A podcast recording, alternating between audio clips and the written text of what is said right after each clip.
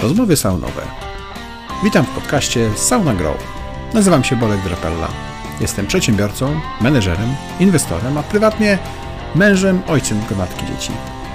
W życiu zawodowym pomagam firmom rosnąć mądrze, rozwijać się międzynarodowo i korzystać z dobrodziejstw technologii przy jednoczesnym zachowaniu ludzkiej twarzy w biznesie.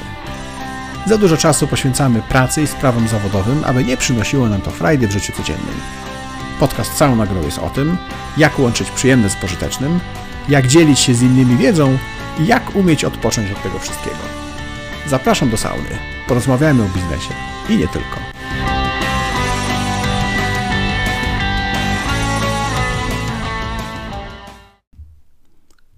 Cześć. W dzisiejszym odcinku chciałbym wspólnie z Wami zastanowić się nad tematem zakładania. I nie chodzi mi o zakładanie biznesu ani zakładanie rodziny, ale przede wszystkim o zakładanie dobrych intencji oraz o niezakładanie pewnych rzeczy, które zakładamy często, że się wydarzyły lub wydarzą, a tak naprawdę nie miały one w ogóle miejsca albo nie zostały jeszcze wykonane wbrew naszym założeniom. Temat zakładania, że coś zostanie wykonane przez menedżerów, jest tematem, który bardzo często powoduje frustrację, powoduje to, że e, źle się czujemy jako, jako przełożeni, bo musimy się przypominać, bo okazuje się, że zadanie nie zostało wykonane i nie zostało zrozumiane, albo zostało wykonane w inny sposób.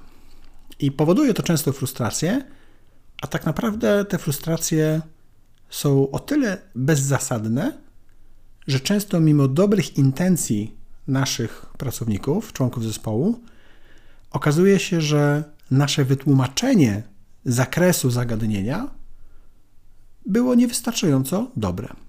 Mówiłem o tym w osobnym odcinku, gdy skupialiśmy się na znaczeniu dlaczego w organizacji, na znaczeniu celu i na tym, ile daje jasne wytłumaczenie tego celu pracownikom. Nie konkretnych zadań, nie delegowanie zadań, ale delegowanie właśnie celów, delegowanie konkretnych kierunków czy strategii, czy komunikowanie tej strategii, po to, żeby można było delegować zadania bardzo szerokie, a nie precyzyjne, konkretne wodzenie za nos czy za rączkę, jak należy wykonać e, poszczególne mikrozadanie. Często wygląda na to, i też z mojego doświadczenia tak wynika, z doświadczenia osób, z którymi rozmawiam w saunie podczas e, sesji mentoringowych, że wiele naszych frustracji jako menedżerów z niewykonanego zadania wynika z tego, że nie jesteśmy w stanie we właściwy sposób przekazać celu czy kontekstu danego, danego zadania czy danej czynności. Nie powinniśmy się wówczas dziwić, że zadanie to nie zostanie wykonane właściwie, lub że nawet nie zostanie wykonane w ogóle, ponieważ e, chociażby priorytet, istotność tego zadania nie została przez nas wystarczająco jasno zakomunikowana. Bardzo częstym efektem tego założenia, że coś zostanie e, wykonane, gdzie faktycznie nie zostało wykonane, jest właśnie frustracja menedżerów. Głównie wynikająca z tego, że nie tylko nie powiedzieliśmy, że coś ma być zrobione, bo nam się wydawało, że to jest oczywiste, ale często powiedzieliśmy, czy nie powiedzieliśmy, jak to ma być zrobione, bo również nam wydawało się, że to będzie oczywiste, jak to ma być zrobione. Gdzie jeśli tego kontekstu nie przełożymy, nie, nie, nie, nie wyłożymy właściwie, to tak naprawdę zdroworozsądkowo powinniśmy się zupełnie e, spodziewać czego innego, czyli nie powinniśmy się dziwić, że to zadanie nie zostało, nie zostało zrealizowane. I też nie chodzi o to, że każde zadanie mamy krok po kroku wyjaśniać, tak? I, i, i jakby z tymi klapkami na, na oczach e, oczekiwać, że pracownicy będą robić to, co my chcemy, bo to nie jest ani skalowalne zajęcie czy sposób, ani nie jest też to, co buduje poczucie wartości e, w naszych, w naszych pracownikach. Natomiast jeśli jakieś zadanie im przekażemy, pracownikom w zespole, e, wydamy jakąś dyspozycję, to nie powinniśmy zakładać, że to zostanie zrobione, dopóki tak naprawdę nie widzimy postępów tych prac. Dobrą bardzo radą czy, czy sugestią w tym kierunku jest prośba o sparafrazowanie zadania danego pracownikowi, czyli prośba o to, żeby pracownik swoimi słowami powiedział, jak zrozumiał zadanie. Nie chodzi o to, żeby powtórzył słowo w słowo, bo może powtórzyć, ale nadal nie rozumieć, albo może rozumieć to inaczej. Natomiast sparafrazowanie spowoduje, że uwspólni nam się rozumienie tego, co jest do zrobienia. Może przez użycie innych słów wyjść y, jakieś niezrozumienie kontekstu, co będziemy mieli okazję sprostować w momencie, kiedy jest to parafrazowane. I tak naprawdę zwiększy to komfort też samego pracownika, że on tak naprawdę rozumie, że on sobie przełożył to, co usłyszał od nas, na e, zrobienie tego, co, co jest do zrobienia. I tak jak mówiłem, dopóki nie widzimy, że jest e, coś, e, czy zadanie, że, że w jakiś sposób są, są postępy, a nie będziemy tego widzieć bez chociażby regularnych spotkań jeden na jeden z pracownikami, to nie powinniśmy zakładać, że to się wydarzyło, że to się dzieje. I to jest ciekawa, e, ciekawa relacja, czy ciekawa, ciekawy koncept, dlatego że to nie dotyczy tylko relacji naszych z pracownikami. Tak samo to dotyczy procesów sprzedażowych i relacji z naszymi klientami. Tak samo dotyczy to relacji z naszymi szefami, bo praktycznie każdy ma jakiegoś szefa, czy to będzie nim klient, czy, czy, czy rada nadzorcza, czy, czy, czy prezes. To zakładanie i weryfikowanie założeń jest tak naprawdę w każdej relacji przydatne. Są też narzędzia.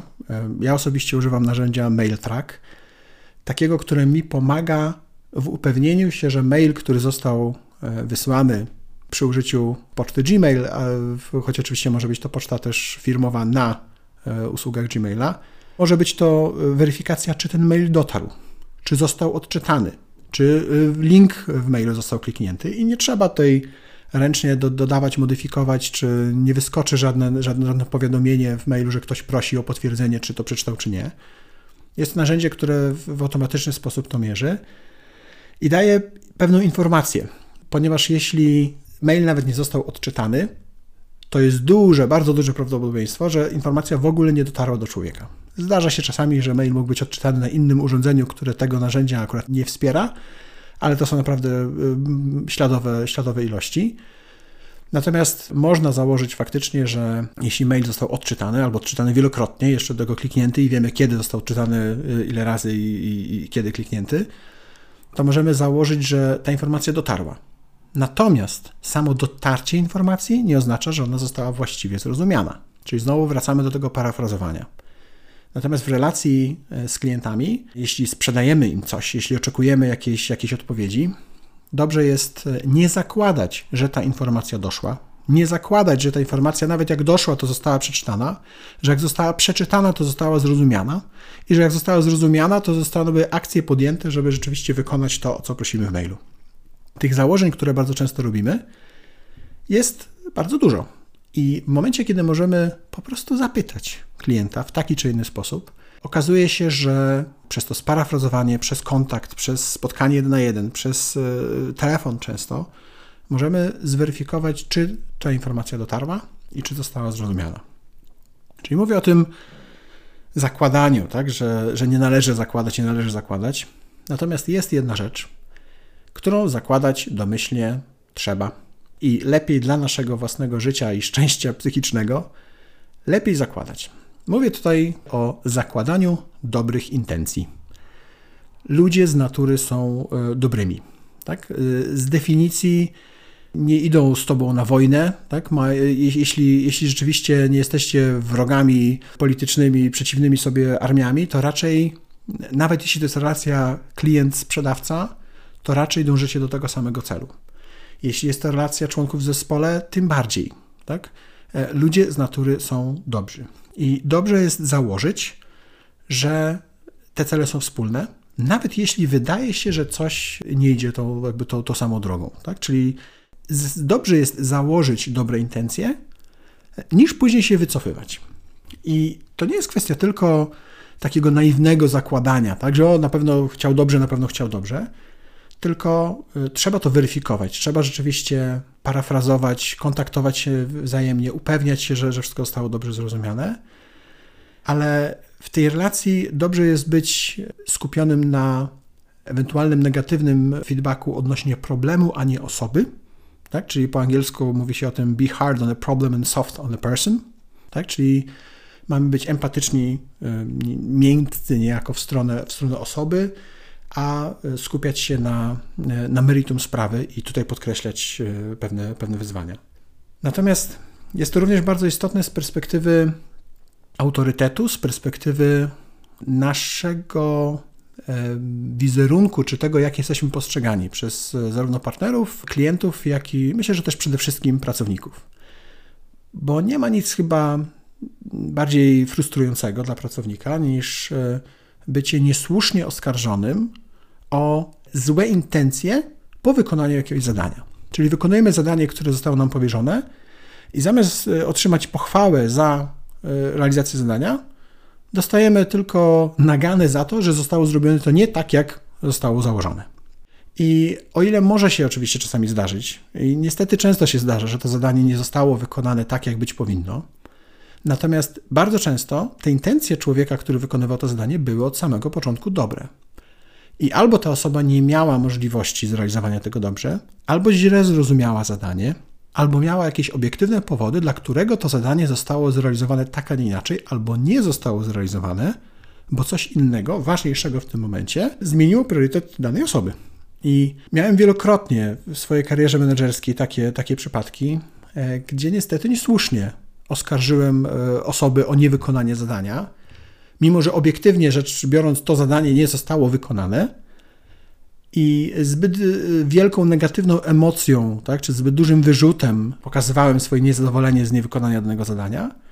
I potem musiałem się e, zgarbionym rakiem wycofywać, tłumacz, no może nie tyle, że tłumacząc się, ale było mi ewidentnie głupio, jak się dowiedziałem, jaki był tego kontekst. Tak? Czyli, że był rzeczywiście powód, dla którego ten pracownik podjął taką, a nie inną decyzję. I te powody albo były słuszne, albo nie. Natomiast one były z perspektywy osoby podejmującej tam i teraz e, decyzję, czy tam i wtedy decyzję, e, były oczywiste, bo dla tej osoby było naturalne, że w tym momencie tą decyzję, czy ten, to zadanie trzeba odsunąć w czasie, ponieważ inne było ważniejsze, albo inne spowodowało, że to zadanie w, w myśli, w pojęciu tej osoby nie było już e, istotne, czy nie powinno być w ogóle zrealizowane. I często mi się zdarzało, że musiałem się niejako wstydzić własnej reakcji na brak wykonanego zadania. I jak sobie zdałem sprawę, ile mnie to kosztuje jako menedżera, ile e, tak psychicznie, mentalnie, ile kosztuje to też mojego autorytetu, że ja muszę, czy muszę, właśnie nie muszę, ale ja e, w jakiś sposób jestem zły, sfrustrowany tym, że zadanie zostało niewykonane i jasno i mocno to artykułuję, a potem się okazuje, że tak naprawdę był powód, dla którego to zadanie nie zostało wykonane, to ja na tym więcej tracę i psychicznie, i mentalnie, jak i traci też na, to, na tym mój autorytet w oczach moich pracowników. Że nie będąc świadomym pewnych okoliczności, zdążyłem kogoś ochrzanić za niewykonanie zadania, gdzie tak naprawdę były ku temu przesłanki. I nawet niezależnie w tym momencie jest to, czy, czy były te przesłanki słuszne czy niesłuszne, tylko chodzi o to, żeby założyć pozytywne intencje, że ten pracownik na pewno chciał dobrze. E, I teraz moim zadaniem jest zrozumienie, co się wydarzyło, że to zadanie nie zostało jednak wykonane. I nie chodzi tutaj o takie sarkastyczne zakładanie, typu, że no ja rozumiem, że ty chciałeś dobrze, ale powiedz mi, dlaczego to nie zostało zrobione. Tak? Chodzi o szczere, takie z głębi serca dowiedzenie się, poznanie kontekstu, e, dlaczego dane zadanie nie zostało jeszcze, jeszcze wykonane. Takie podejście w czasie zorientowałem się i, i też staram się stosować. Powoduje, że jako, jako szef, jako menedżer jestem postrzegany nie tylko bardziej jako osoba empatyczna, ale moje kompetencje, też takie komunikacyjno-miękkie, powodują, że jestem po prostu bardziej cenionym przełożonym. I mój ten taki autorytet, czy postrzeganie mnie w oczach moich współpracowników rośnie. I to powoduje nie tylko łechtanie własnego ego, bo nie o to chodzi, ale ja się czuję lepiej, pracownicy się czują lepiej, łatwiej się dowiem o jakichś problemach, tak? w myśl takiej, takiej zasady, o której często się mówi w stosunku do dzieci, ale, ale w stosunku do pracowników jest to dokładnie jakby ta, ten, ten sam mechanizm, że chciałbym tak wychować swoje dzieci, że jeśli coś nabroją, to żeby pierwszą ich myślą było muszę zadzwonić do taty, a nie jak to zrobić, żeby tata się nie dowiedział. Tak? Więc jeśli w odpowiedni sposób, z odpowiednią empatią podchodzę do, do nieudanych prób, czy do, czy do jakichś, jakichś porażek osób w moim, w moim zespole, jest większa szansa, że w przyszłości tych porażek nie będzie, że ludzie nie zamkną się w sobie i nie przestaną ryzykować, nie przestaną podejmować decyzji, bo wiedzą, że można się pomylić i nie ma za to kary, tylko jest y, wspólne dochodzenie do tego, jak zrobić, żeby, żeby dalej było lepiej. I to są rzeczy, które uważam bardzo budują nasze zdrowie psychiczne jako menedżerów i jako rodziców również. I budują nasz e, autorytet w oczach osób, z którymi przebywamy. Ostatnim elementem, który jest oczywiście trudny, ale też wspiera budowanie tego autorytetu, jest umiejętność przeproszenia.